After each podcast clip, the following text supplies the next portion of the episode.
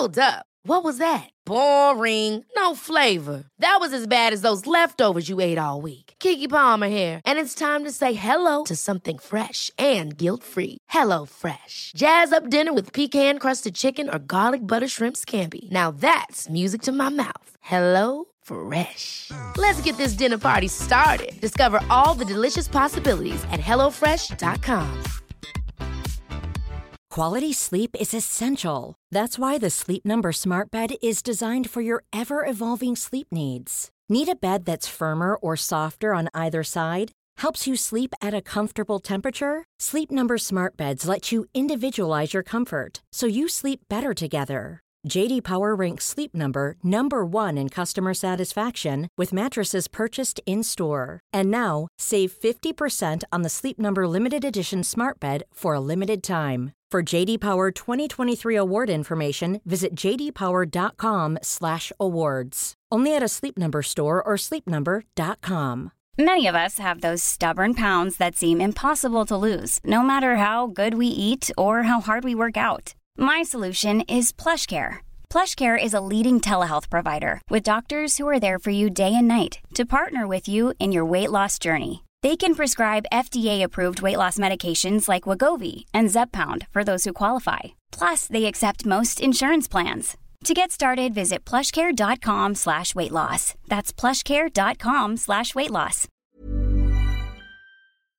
Hei og velkommen til Becoming, en av Norges mest populære podkaster innen livsmestring. Jeg heter Isabel og driver denne podkasten sammen med Belinda. Vi ønsker å inspirere og motivere deg til å skape det livet du alltid har drømt om å leve. Mange tenker nemlig at livet blir til mens man går. Vi er uenig. Vi mener at du er skaperen av eget liv, og at du har muligheten til å gjøre ekstraordinære ting, og at det hele starter med å stille deg selv spørsmålet Hvem er jeg på vei til å bli? Tør å ta deg selv på alvor, og nok en gang, velkommen til en ny episode av Becoming. Hei og velkommen til en ny episode av Becoming. Her sitter jeg, Belinda Jacobsen. Jeg er live, eller ikke live, men jeg kommer her rett fra Spania. Med meg så har jeg Norges fremste på følelse, Isabel Engelhardt Corneliussen. I dag skal vi snakke om et fantastisk kult konsept som heter kognitiv dissonans. Det er altså det fascinerende scenarioet når du har en mening om noe, men en handling som gjør noe helt annet. Og hva er det som oppstår når du da har en sterk mening og en motstridende handling? For eksempel da, dette her har jeg gjort i mange år. Jeg har, eh, eh, ah, jeg har spist melk, men jeg er fullstendig imot melkeindustrien. Jeg er imot hva melk gjør med kroppen din. Jeg merker det på meg hva melk gjør med kroppen min. Jeg føler at det er brainwash fra tidenes morgen. Jeg har skrevet en hel thesis om dette her på college i USA. Det er, er faktisk, ja, det er faktisk veldig fun fact, folkens, her nå. Men det, den har jeg faktisk lest. Ja. Den eh, skrev du helt, liksom, helt, i starten av du og jeg traff hverandre. Ja. Den tror jeg du leste høyt for meg i bilen på vei opp til Big Sur. Vi hadde roadtrip i spring break for sånn herrens mange år siden. Wow. Kult. Det var veldig kult, for det. Da skrev min thesis som handler om at melk ikke er bra for noen instanser, ikke for dyrevelferd, ikke for meg som menneske, ikke for deg som menneske, ikke for barn. Mennesker er de eneste som, som, som ikke slutter å drikke melk etter vi er ferdig med, med, med mora vår, skulle jeg til å si. Alle andre dyrearter på denne jord er jo ferdig da. Du ser ikke en apekatt som går og sutter på geit. sant? Så ser ikke en, liksom, ja, Uansett. Så jeg skrev den thesisen.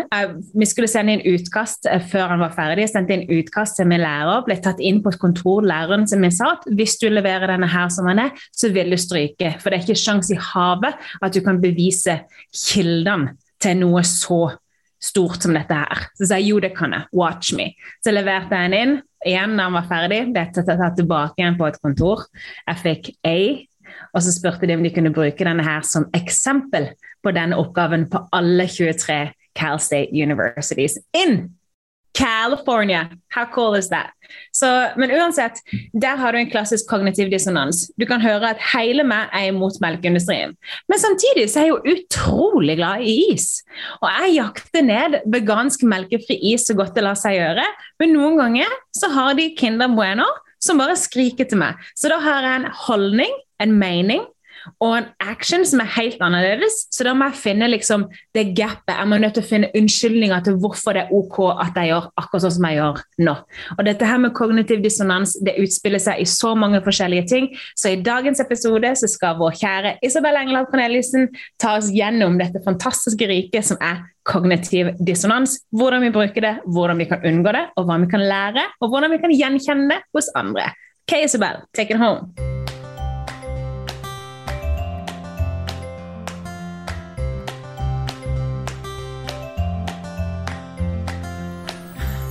Away. Um, ja, altså, som, by the way, for de som ser på oss nå, vi legger jo ut disse videoene også på vår Facebook-side. Altså, for, Hvor mye armer har vi? Vi har armene oppe i været hele tida. Så det sekundet jeg var ferdig la ned armene og du skal over, så det var armene rett opp. Yep. nei, det, er, det er som sånn berg-og-dal-bane. Sånn, eh, er det, eh, hva heter det på Thunder Coaster? Sånn hendene opp der? Ja. Nei da. Men over til kognitiv dissonans er at dette er egentlig et veldig veldig fascinerende begrep. Fordi vi mennesker vi sliter jo så sykt med å ha to motstridende ideer samtidig i hodet vårt. Det klarer vi ikke. Og, altså sånn, det, blir, det blir føles veldig utrygt for kropp og for hode og alt sammen. Så det vi på en måte Løsningen da er å finne den linken som blir gapet, hos deg for eksempel. Hvor du er så lidenskapelig opptatt av at me- melkeindustrien er liksom ikke bra for deg, eller melk er ikke bra for deg. Men så er jo is veldig godt. Så er det hvordan kan du da altså, fylle gapet mellom de to? For de har jo veldig motstridende. Ikke sant? Så istedenfor at du skal føle at du er delt i to, så finner du liksom bare den tredje utveien. Så jeg pleier ofte å si at det å gi folk et ultimatum, det er veldig uheldig, fordi at de finner alltid tredje utvei. Og hos deg så har tredje utvei vært kognitiv dissonans. Mm. Før så gjorde jeg det i smug, livredd for at noen skal se det. Men da jeg jobba gjennom min skam, så bestemte jeg for meg for å ta alt jeg gjorde i skjul, frem i lyset. Sant? Ikke søren om jeg skal skamspise en Altså, jeg var jo bare menneskelig. Sant? Jeg hadde jo bare lyst på sukker og kremfløte og egg som et annet hvert menneske på denne jord. Ain't nothing wrong with that. Så da begynte jeg bare å akseptere at OK, nå er jeg full i feil. Uh, and this is going down. It's gonna feel good. Du er ikke full av feil, men det er bare jo, Alle mennesker er fulle av feil. Er det ikke det som gjør oss så flotte? Jo, men jeg synes at her Vi er ikke Mm, jeg, det er, jeg tror det er måten du sier det på. For jeg ville nok alle sagt at du, er full av feil. Jeg synes at du er full av um, uh, Hva er ordet jeg ville brukt, da, istedenfor feil? Eh, individuelle eh, må jeg tenke. Jeg kommer tilbake til den. Jeg skal tenke på noe, på noe smart nå. Okay. Eh, nei, jeg vil si at du er unik, og så er du menneskelig. Fordi det, det å være menneskelig er faktisk det å på en måte være litt krikete og, og kronglete, og det er ikke nødvendigvis feil. Ikke sant? Ja, okay, jeg er enig i den. Enig i den. Folk, folk mener jo at man ser på feil som noe galt noe. Og det sekundet du ser på det som galt, så er det sånn Å nei, nå, er jeg, måte, nå har jeg gjort noe galt. Det føles veldig sånn Du forventer kjeft og skam, og så Ja. Det er, en, eh, det er derfor man ikke skal definere følelser, ikke sant? Som bra eller Mm. dårlig. Fordi da setter man det i bås. Anyways. Jeg skal eh, Vi var tilbake til da melk, ikke sant? Du er, du er et menneske som liker å spise is. Og det er helt greit. Det er ikke noe galt i det. Men det er det å være klar over at dette er også en del av hvem du er. Du er en person som, som gjør at du som spiser is. Og da er det også greit å ha empati og forståelse for de andre som kun er på den siden der. For du er jo også basert på at du måttet føtter i begge verdener, ikke sant? Du har født, født i kunnskapens verden med eh, melkeindustrien. Og så har du født i fot i den verden som heter dette er veldig godt. Nytelse er livet. La meg bare få lov til å, å ha litt sånn sugar high akkurat nå. Mm. Og det er ikke at den ene er bedre enn den andre, men begge to bare er. Men det som er utfordrende, er når folk bruker den ene for å dekke over den andre. Ikke sant? Hvordan, I dette tilfellet, hvordan kunne det vært? Hvis du f.eks. gjemmer deg bak det faktum at altså, melk er Du går til krig da, ikke sant? mot med melkeindustrien. Mens hjemme på bakrommet så sitter du og bare fråtser i deg masse is. Ikke sant? mm. Eller eh, hvis du f.eks. sier at eh, jeg er en person som elsker å trene. Jeg trener masse. Å ja, så gøy. Når var du trente sist? Nei, halvannet år siden. Å ja. Eh, ok, hvorfor har du ikke vært ute og trent? Er dørstokkmila, da? Ok, Eller være, eller har ikke tid, eller Ja. har ikke hatt overskudd, eller ja. jeg tar det i morgen. Ok. Em, du kan si jeg var en trent person. Jeg, jeg likte å trene. Mm. Men så har jeg falt ut av det. For det er noe med at når du, det gapet representerer en del av deg du ikke vil anerkjenne. Mm. Det er litt som din skyggeside, som jeg snakket om før, mørket. Og jeg at liksom, I forrige episode så snakket vi om at du liksom, let her come to you. ikke sant? Åpne opp og la henne få lov å komme inn. Så det er som at den kognitive dissonansen, det gapet hvor du forsøker å få liksom A og Å til å bli et alfabet, der må du Så handler det om at det, alle de resterende bokstavene, det er mørket ditt. Så er det et spørsmål om hvor godt kjenner du eget mørke? Hvor Det som, godt- det, Ja. unnskyld, det som vi jobber med her i podkasten vår og på privaten hele tida, det er jo bare hvordan vi kan bli mest mulig oss. Sant? Mest mulig autentisk, mest mulig transparent og mest mulig den personen vi var skapt til å være hele tida. Og så Det vi tar for oss i denne poden, det er jo alle hindrene som står foran oss. Og dette med kognitiv dissonans, det er jo bare et hinder som gjør at du ikke kan være autentisk. Og veldig ofte så er det veldig lett å spotte kognitiv dissonans i noen andre. Som for eksempel nå så er jo jeg så ihuga-fan av et yoga- og styrkeprogram som jeg har begynt på. Um, og så snakker jeg med folk om dette her, og så snakker jeg med ei, og hun bare 'Å, liksom, så gøy å se at du òg endelig er liksom blitt eh, hooked på yoga'. For hun er liksom en yoga-babe, da. Så sier jeg 'Ja, vil du prøve? Vil du prøve dette programmet?' 'Å nei, jeg tror ikke det programmet passer for meg'. Så jeg, OK, hvorfor det? Nei, for dette liksom Jeg er ikke så glad i å, å, å gjøre det sjøl, da. Jeg vil ha en trener som gjør det. Så å ja, går du til yogatrener? Nei, nei, nei. Eh, men jeg gjorde det før. Så jeg sånn, ok, Først så shamer du meg bitte litt for at jeg endelig har joined the club, og så har du left the club long time ago. sant? Så der igjen, det er bare Det mennesket kunne bare sagt til meg Oi, nå, nå vekker du i meg den følelsen jeg hadde før jo gikk på yoga. Kanskje jeg skal ta tak i det igjen? Istedenfor den vanvittige historien rundt grunnen til at ikke det skjer ennå, hvorfor ikke du kan gjøre dette programmet, og alt dette her fram og tilbake. For man blir jo bare sittende og se på dette mennesket og tenke hva er det egentlig som skjer her? Hva er det du egentlig føler? Sånn, Hvor er det du egentlig står? For der sto jo hun i holdning om at hun er en yogababe, men eh, handlingsmønsteret viser at hun ikke gjør noen ting i yoga. Og så all, prøver hun å finne en grunn ja, my, to, to mind the gap in them. Det er en veldig fin måte å si det på, at du prøver å fylle det gapet mellom de to.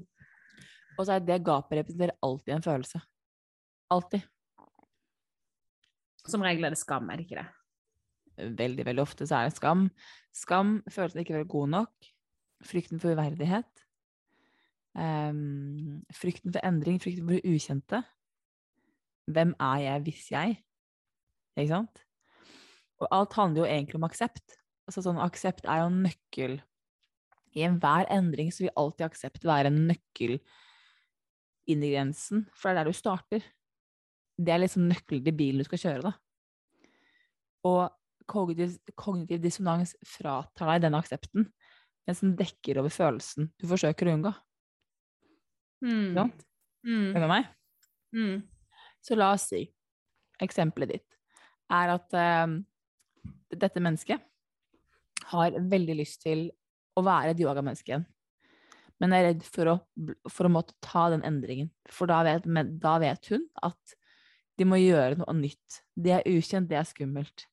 Hun har ikke helt kommet dit ennå hvor hun er klar til å gjøre den endringen. Mm. Hun har ikke Altså, jeg har en kollega av meg som er min mentor, som han sier det brutalt, men ærlig, og jeg elsker det egentlig. Noen ganger er ikke folk ferdig med å få juling av livet. Folk trenger å få gå flere runder med samme sak.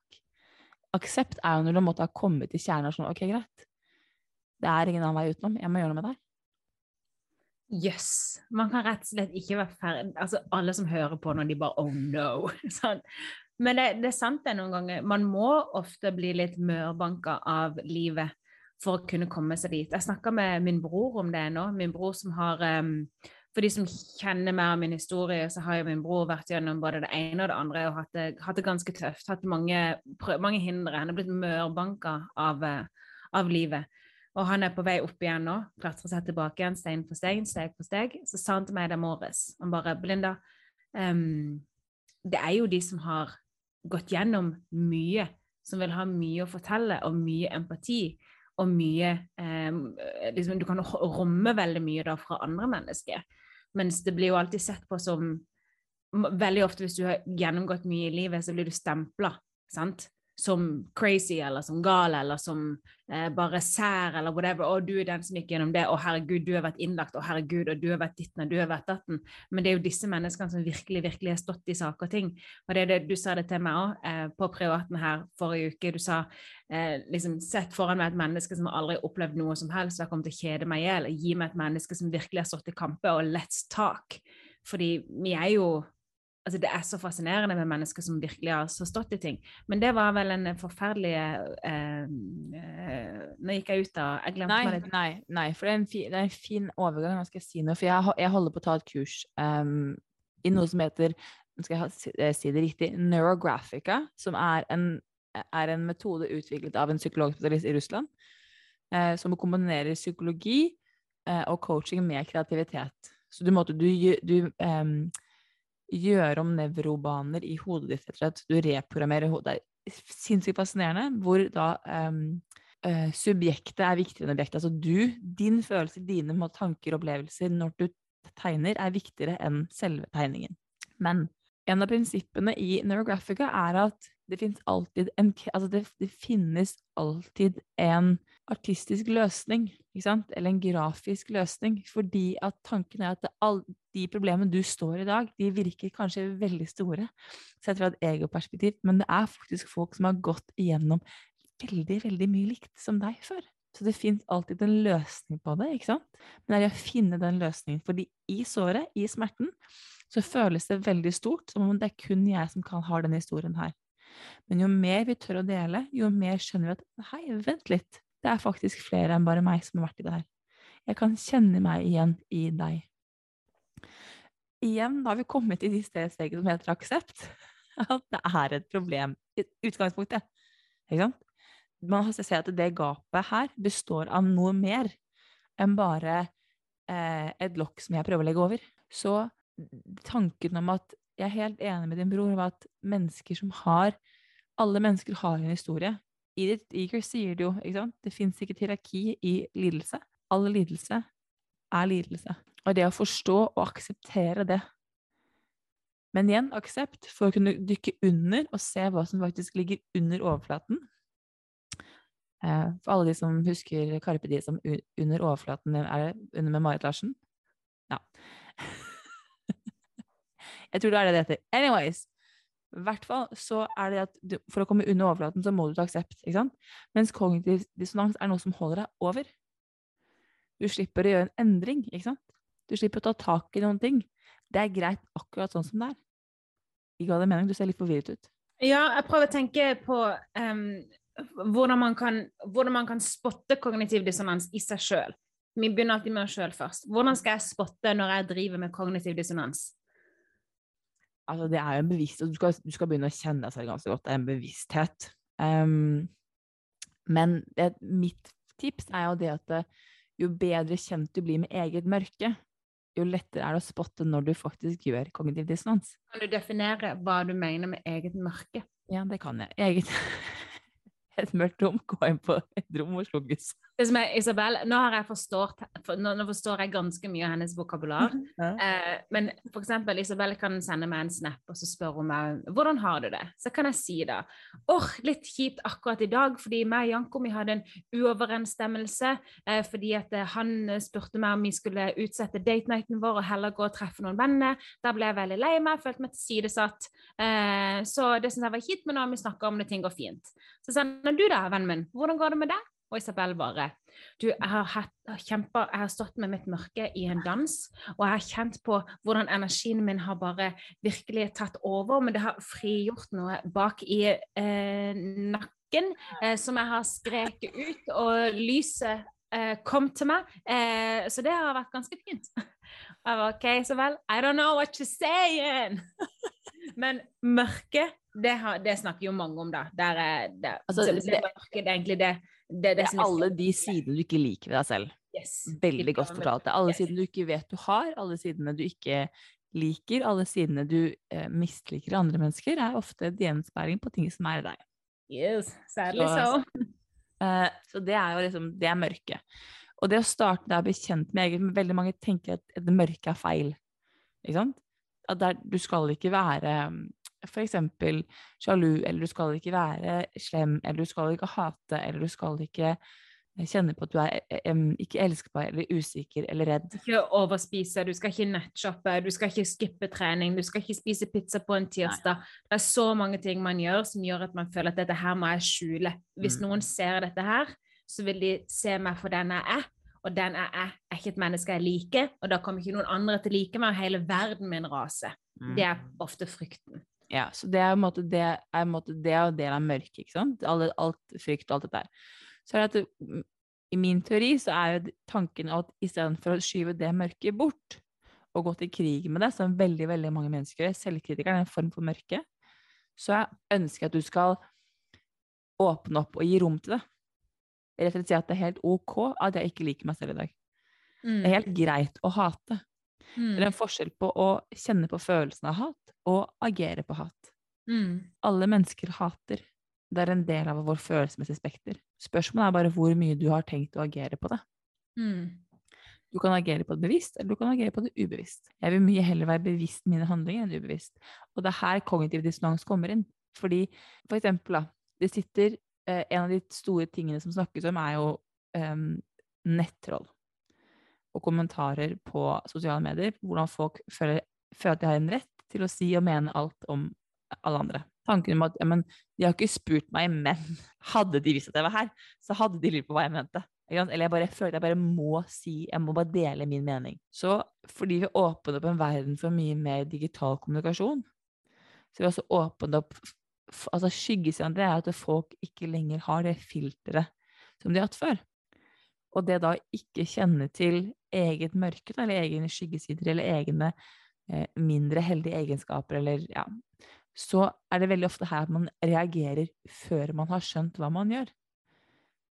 Jeg kan se på det veldig mange mennesker kan si ja, men altså, nettroll er så dust, det er så det er teit som finnes i hele mitt liv. Men jeg følte bare å si ifra til hun ene influenseren, ikke sant? Om Mm. at Hallo, for eksempel, da. Eh, nå husker jeg det veldig tydelig, for jeg husker at hun tok det fint. Det var et par år siden da Camilla Pil ble mamma for første gang. Jeg tror, ja, jeg tror hun, har, hun har, hun har ikke et barn. Ja. Mm. Så eh, husker jeg at hun la ut en story jeg så, som jeg ble litt imponert over. For hun legger ut en story hun sier at jeg kommer til å ikke akseptere eh, noe mammapoliti her inne. Hvis du har en tanke om hvordan jeg holder med baby, så kan du holde den for deg selv. Jeg kommer til å blokkere for folk som gjør det, fordi min baby får mer nok kjærlighet. Og dette er et kjempegodt eksempel. Jeg kan se for meg at det er veldig mange mødre, for eksempel, som er veldig mot nettroll og veldig for nettrett. Men de ser en eller annen ting Camilla Pil gjør, og så føler de at de er berettiget. De har rett til å respondere, ikke sant? Mm. Holdning krasjer med handling. Mm. Det var det bare det eksempelet jeg kom på, fordi Det var et veldig godt eksempel, for jeg har aldri tenkt at nettroll er vanlige, oppegående mennesker som òg kan ha gode holdninger. Jeg har tenkt at nettroll bare er alvorlig skada mennesker som ikke har noen ting godt i livet. Men det kan faktisk være vanlige, oppegående mennesker som bare står i en kognitiv dissonans. Mhm. Wow! Fordi at det, her er clouet. Hvem er det som definerer om det er bra eller dårlig menneske? Jeg tenker at Alle mennesker har noe fint i seg. Eh, I bunn og grunn. Altså, det er sånn jeg tenker. Vi mennesker er ikke skapt ondskapsfulle i det hele tatt. Vi er avhengig av hverandre for å overleve. Men jeg tror at det er så veldig mange som ikke kjenner seg selv godt nok til å vite når de har kognitiv dissonans. Mm. Det er derfor jeg sier at for å, for å vite, for å ta deg selv i å gjøre det, så må du kjenne ditt eget Du må kjenne, du må kjenne skyggesiden din godt nok til å vite Mm. at du får en impuls til å reagere. Ja. Du må vite at du får en, en, en følelse um, av å si ifra. Jeg husker jo her er det fjor, hvor du Vi snakket Jeg var i Kristiansand, og så snakker vi eh, om en følge på Instagram som hos deg bare, bare måtte dele et eller annet med deg. Ikke sant? Så du hadde fått, og du hadde fått et par krasse meldinger liksom, opp gjennom årene av dette mennesket her, hvor du til slutt sa ifra. At liksom, Mm. du, jeg, liksom, hyggelig at du har lyst til å ta del, men vær klar at jeg får en del meldinger, og at din mening liksom ikke nødvendigvis er altså, jeg husker, du sa- Du sa en eller annen greie Jeg skrev til henne at, eh, at jeg setter Husker du hva jeg snakker om? Ja, jeg husker akkurat hva du snakker om. For det, det var, jeg ble møtt så fint av henne, sant? Um, ok, Så jeg fikk en tilbakemelding på hvordan jeg egentlig burde endre å leve livet mitt. Og det, jeg får nesten aldri negative meldinger. Det har vært, kun hvis det er noe, noe som skjer i media, eller noe som folk er veldig imot. Men sånn på vanlig basis, ingenting negativt. Men utrolig mange mennesker som har sterke meninger på hvordan jeg må leve livet mitt. Så her fikk jeg en melding da. Det, handlet, det var flere punkter hun tok opp eh, på ting jeg må endre. Eh, det at jeg jobber med min mann, eh, det at eh, måten jeg spiser på, eh, veldig mye forskjellig. Så svarte hun da at eh, ja, som du sier, takk for at du ønsker å ta del, takk for at du følger, takk for at du heier, men jeg vil bare gjøre deg oppmerksom på at jeg får kanskje 20-30-40-50 velmenende råd hver eneste dag på områder hvor jeg ikke har bedt om råd. Så dessverre så blir din melding lagra i det som jeg kaller for bakgrunnsstøy, og det er ikke noe som jeg tar med meg videre. Og jeg har en regel hvor jeg aldri gir råd hvis ikke jeg blir bedt om det, og jeg vil- anbefale det, og det gjelder meg som er en følger, for folk glemmer noen ganger at jeg er òg en følger. Jeg følger og ser opp til mange på sosiale medier. Jeg er akkurat lik de. Sant? Så jeg gir ikke velmenende råd til de jeg følger. Og jeg syns ikke at du som følger meg, heller skal gi velmenende råd til verken meg eller til noen andre. Fordi som regel så er det bare rett i bakgrunnsøyet. Og da svarer hun Da svarte hun eh, takk for at jeg gjorde oppmerksom på dette her. Og hun sa at eh, selvfølgelig blir det lagra i bakgrunnsstøy. Og sa at jeg liksom, skjønte ikke helt nesten hva hun hadde drevet med, for det var jo ingenting negativt ment. Hun skulle jo bare hjelpe meg på min vei, og glemte at jeg fikk meldinger fra andre mennesker at det var ikke bare hun. Og hun takka meg og ønska meg en, en, en fin dag videre. Så tror jeg, jeg mener å huske at hun skrev at hun skal aldri sende melding etter en flaske rødvin igjen. Ja, det, det var det. Skal slutte å sende velmenende råd etter et glass rødvin på lørdagskveld. Det var der det kom, ja. Mm. Ja. Da hadde hun skjønt at Ja. hennes holdning og hennes handling krasjet. Mm. Nå brukte hun unnskyldning som rødvinglass, funny nok, men den er fin. Men det er det å se den og kjenne den. Mm. Og det er derfor jeg sa at nettroll er et så sinnssykt fint eksempel, for det er sånn Jeg tror det er veldig mange mennesker ute som gir velmenende råd, som mener at det er bra. Mm. Fordi jeg tviler på at det er noen som ønsker å være kalt ond. Ikke sant? Man ønsker ikke å bli sett på som ond eller ondskapsfull eller vanskelig. I hvert fall min opplevelse er at mennesker ønsker egentlig å bli likt. De er avhengig av en form for tilhørighet. Så det at nettroll blir sett som ned på, gjør at ingen kan eh, det krever mye å skulle akseptere at man er et nettroll. For den gruppen med nettroll, ikke sant? Mm. Den er så langt nede. da. Jeg husker ikke for å ta opp det, men, men um, jeg bodde i New York da det var uh, Da Black Lives Matter startet opp igjen, måtte blusse opp for to år siden. Uh, hvor jeg har da en, en ad, er jo et godt eksempel, som måtte ha belest seg veldig mye opp på akkurat den kulturen, og hvordan amerikansk kultur er i forbindelse med altså, institutionalisert ja, rasisme. Um, det er også kjempekognitiv dissonans i USA. En holdning og en handling veldig, veldig motstridende, ikke sant? Mm. Men det er ingen som vil akseptere at de er rasister, eller vil kalle seg selv rasister. Um, inntil ikke sant? Fordi at den, den, den tittelen i seg selv er så ekstrem. At da skal man i hvert fall fylle det gapet. Mm. Med at det, men dersom at det Ikke sant? Det er så ekstremt. Det samme er jo på en måte her med Norge, er jo at vi ønsker ikke å ta tak i de holdningene som ligger under. Fordi at sånn for eksempel da, definisjon som rasist, eh, rasist og nettroll Nettroll blir jo fremstilt som enten veldig ondskapsfulle eller veldig dumme. Mm. Eh, Mm. Rasister er jo bare hatefulle, ikke sant? Mm. Men jeg tenker at det finnes, jeg tror veldig mange mennesker opplever rasistiske handlinger uten at det er hatefulle mennesker. Og nettroll kan veldig fint være velmenende råd. Veldig fascinerende dette her, fordi jeg, jeg merker sjøl nå at jeg tenker at både rasister og nettroll, for å ta de to, de, de to da, at jeg ville nesten spotte dem på gata fordi de kanskje går med store horn eller eh, stav eller noe. sånt. Jeg har aldri tenkt at jeg omgås med de på noe som helst vis. Jeg tenkte at det er bare hatefulle, grusomme mennesker som du øh. Men det kan faktisk være menneske, Det kan være hvem som helst, fordi det kan være mennesker som bare står i en kognitiv dissonans. Wow! Og så er det det jeg kaller uvitende mennesker. Ikke sant? Ja. dung, dung. Fordi igjen, da, vi har jo sagt det før i flere episoder, er at jo bedre du kjenner eget mørke, jo lettere kan du sitte i andre sitt uten å reagere. Mm. Det er en forskjell på å reagere og respondere. Mm. Når du reagerer, så har ikke du kontroll på reaksjonen din. Når du responderer, så kan det ta tid, ikke sant? Vente, holde. Veldig ofte så er folk som ikke har prosessert sine egne følelser, og kjenner følelsene sine godt nok, vet ikke hvordan kroppen responderer, for kroppen responderer på følelsen før tankene får hente seg inn, ikke sant? Mm. Så går det på automatikk. Det er derfor jeg danser så forbanna mye i stuen. Ja, det burde jo helt sikkert svidd hull i gulvet allerede nå. Fordi at eh, jeg ønsker å kjenne mine følelser, mitt mørke, mine skyggesider godt nok til at jeg kan også i situasjoner hvor jeg er i dialog med andre mennesker, kunne sitte, og ta, sitte i de uten at de skremmer meg. Når Isabel sier at hun danser, så betyr det at hun, det er en av hennes sine metoder for å gå fra hodet og ned i kropp. Mhm. Fra hodet og ned i kropp så mener man å komme seg ut av et tankekjør og være til stede i det som faktisk skjer her og nå.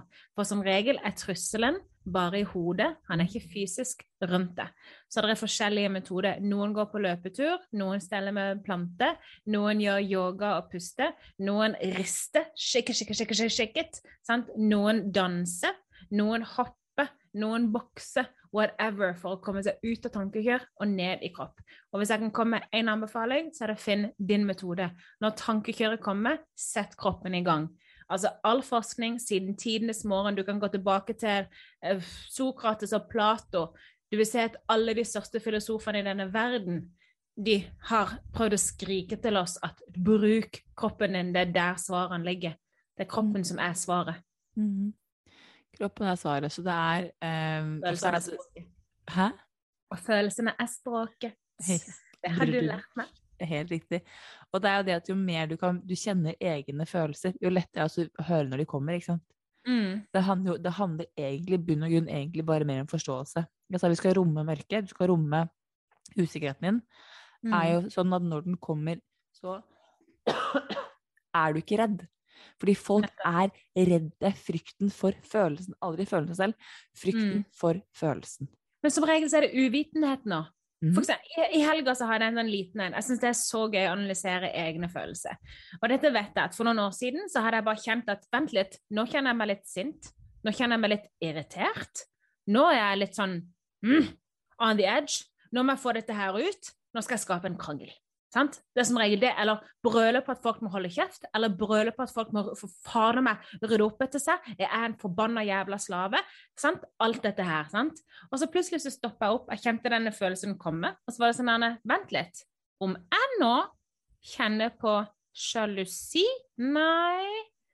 Jeg kjenner på frykt for å bli forlatt av min mann fordi han har lyst til å gjøre noe som ikke inkluderer meg. Er det noe reelt rundt den frykten? Nei. Ikke i det hele tatt. OK, da slipper jeg å smelle, slipper å brøle på alle sammen i huset. Jeg slipper å skylde på den stakkars oppvasken og de forbanna klærne som blir vaska. Jeg kan bare gå inn i meg sjøl og si Linda, dette her er en gammel følelse. Du har ikke de issuesene lenger. Everything is good. OK, let's go on with the world. Så det er et sånn klassisk eksempel på hvordan jeg før hadde uttrykt meg, og hvordan jeg da bare klarer å gjenkjenne følelsen. Det er som regel aldri den første følelsen jeg lander på. Som regel må jeg gå noen hakk ned og bare ah, gammelt mønster. Everything is good. Let's go on with the world. Helt riktig. Hvor du tidligere hadde brukt kognitiv dissonant. Oh yes. yeah, så går du nå ned i følelsen. Og det er jo hele poenget. Mm. Men jeg tror altså hele reisen til hvem det er på vei til å bli, handler jo egentlig bare om å bli bedre kjent med deg selv. Mm. Det å faktisk tørre å bli så godt kjent med deg selv at du, kan, at du vet når og hvor. Mm. Hvor du, du gjenkjenner følelser, du gjenkjenner tanker, du vet hvor du er på veien. Mm. Og så vet du også hvilke metoder du har behov for å bruke. Fordi en visjon uten, en, altså uten endring eller handling er bare repetisjon av det samme. Nettopp. Det som var godeste um, Vår godeste Dr. Joe Dispenza sier at uh, hvis ikke du endrer morgendagen, så repeterer du bare gårsdagen, og da går livet ditt i en loop. Og det vil vi ikke. Vi vil progressere, vi vil endre, vi vil gå framover, vi vil skape. Vi vil ikke gå i en loop. Men Med mindre det er en sånn lørdagsloop. Hvis jeg bare kunne våkne og bare OK, pizza, sjokoladeis, pizza, sjokoladeis, pizza, Å, jeg vet ikke. Den loopen. Nei da. Men igjen, det er her hvor kognitiv dissonans kommer inn. Holdningen er at du har lyst til å skape et bedre liv. Ja. Handlingen dun, dun, dun, dun, tar i morgen. Ja. Hvis vi Altså, det er utrolig hvor mye vi tror at vi vil endre oss i morgen. I morgen vil jeg plutselig bare på et magisk vis våkne opp med all den disiplinen i verden og all motivasjonen, og det vil bare komme til meg, det vil ikke være vanskelig, for mitt fremtidige jeg er så utrusta, selv om mitt nåværende jeg ikke har gitt noen grunn til at mitt fremtidige jeg vil være mer utrusta for å takle denne situasjonen. Og det som jeg pleier å si, at når motivasjonen daler, da må, da land, det har vi snakka om, når motivasjonen daler, så lander du på disiplin. Then just do it. Hvis du vet at det er bra for deg, hvorfor gjør du det ikke bare? Ja, altså, du må altså sånn av, altså, Jeg som er rutinemenneske i den gjengen her, og som er rutineforkjemperen, det går jo på disiplin hver gang. Um, Isabel, dette er øyeblikket det skjer. Nå kommer jeg ut av skapet. Ok. Det har tatt meg langt om lenge, og lenger enn langt. Dun, dun, dun. Jeg har stått i offerrollen, jeg har stått i kognitiv dissonans, jeg har stått i ansvarsfraskrivelse, men her kommer det. Okay. Jeg er nå en fast tilhenger av rutine. Jeg mener at rutine er det beste man kan gjøre for mental helse og for fysisk helse, og det er noe man til enhver tid bør opprettholde, for livet er bedre med rutine. Er det sant? Yep. Har vi kommet dit? Ja. Ok, folkens, skal vi gi Belinda en applaus? Altså, ok. Thank you. Welcome to the club. Welcome Yeah, to the it's dark side. Yeah, welcome to the It's, it's, it's nice over here. Ja. Ja, det er det. Det, det var veldig deilig. Jeg gjorde et intervju angående dette med rutine. Når vi er ferdig med kognitiv dissonans, vi skal avslutte, men det var litt morsomt, for hun spurte meg hvordan kan du, hvor, hva, hva er fordelene med rutine og ikke rutine. Så sa jeg til henne at se for deg at du nå kommer til, på besøk til meg her i Spania, og jeg sier til deg kan du være så snill gå og kjøpe noe vann. Men du får ikke noe mer enn det. Du får ikke noe kart, du får ikke noe direction, du får ingenting. Så du må bare ta føttene fatt, og så må du prøve å komme deg ned til en eller annen butikk. Kan godt hende at du aldri finner den butikken, men du finner en kafé, så du setter deg istedenfor ned der og drikker litt brus, og så tar du en taxi hjem igjen. Det kan ofte være livet uten rutine. Men så kan jeg si til deg hei, gidder du å gå ned her? Her er adressen. Du kan bare plotte det rett inn på GPS-en. Det vil koste deg to euro. Her er pengene. Kan du kjøpe noe vann og komme tilbake igjen. Det er livet med rutine. Det er mindre avvik og mye mer fokus og utrolig mye mer mentalt eh, tilfredsstillende. Og jeg trodde det skulle være motsatt. Jeg trodde at jeg måtte tvinge meg sjøl til å gjøre ting som jeg ikke ville gjøre. Men det er jo ikke det. Det er jo bare å tillate det å skape plass i hverdagen til ting som gjør at du har det bra. At det tok meg så lang tid å innse det. Jeg hadde sånn et negativt Jeg hadde sånn negativ negative formeninger rundt ordet rutine. Jeg var sånn, nei, rutinemennesker, nei, nei, nei, det er folk som ikke kan være spontane. Herregud, jeg er superspontan fortsatt.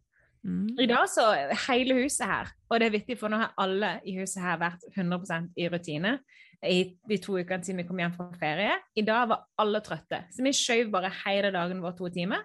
Men fortsatt så gjorde alle sammen, alle gikk på trening, alle spiste frokost, alle gjorde oppgavene sine, alle gjorde liksom det man skal gjøre. Så der var vi spontane, men vi beholdt rutinene våre. Så jeg har ikke trodd at, at, jeg hadde- ikke trodd at du kunne gjøre sånne ting hvis man skal være et rutinemenneske. Altså, Så. dette her er som musikk i mine ører. Jeg vet det, Vi kan ha sånn helt sinnssyke samtaler på privaten. her, der, fordi at eh, Nå kan vi snakke om rutine. Hva er din beste rutine? Hva liker du best? Og med det, folkens, ja. Men eh, til du som eh, lytter på, husk at vi også legger ut videoene våre, samtalene våre, på eh, Facebook-siden vår. Du kan finne oss på Instagram på at Becoming the Podcast. Vi setter veldig pris på at du går inn og eh, gir oss din ærlige tilbakemelding hvis en ærlig tilbakemelding er god, inne på podkast-appen. Du kan gi oss fem stjerner, eller du kan gi oss fem. Og du kan finne oss på ett Blinde Belinda Jacobsen, ett Isabel Engelhardt på alle sosiale medier. Um, hvis du har noen forslag til hva vi skal snakke om, så vær så snill å sende det inn i Becoming the Podcast på Instagram. Og takk for alle som deler episodene våre. Det er mennesker som dere som gjør at vi kan fortsette å holde på med dette her. Ha det. Ha det. Even when we're on a budget, we still deserve nice things. Quince is a place to scoop up stunning high-end goods for 50 to 80% less than similar brands. They have buttery soft cashmere sweaters starting at $50, luxurious Italian leather bags, and so much more. Plus, Quince only works with factories that use safe, ethical, and responsible manufacturing. Get the high-end goods you'll love without the high price tag with Quince. Go to quince.com slash style for free shipping and 365-day returns. Ever catch yourself eating the same flavorless dinner three days in a row? Dreaming of something better? Well, HelloFresh is your guilt-free dream come true, baby. It's me, Kiki Palmer. Let's wake up those taste buds with hot, juicy pecan-crusted chicken or garlic butter shrimp scampi. Mm. Hello Fresh. Stop dreaming of all the delicious possibilities and dig in at HelloFresh.com. Let's get this dinner party started.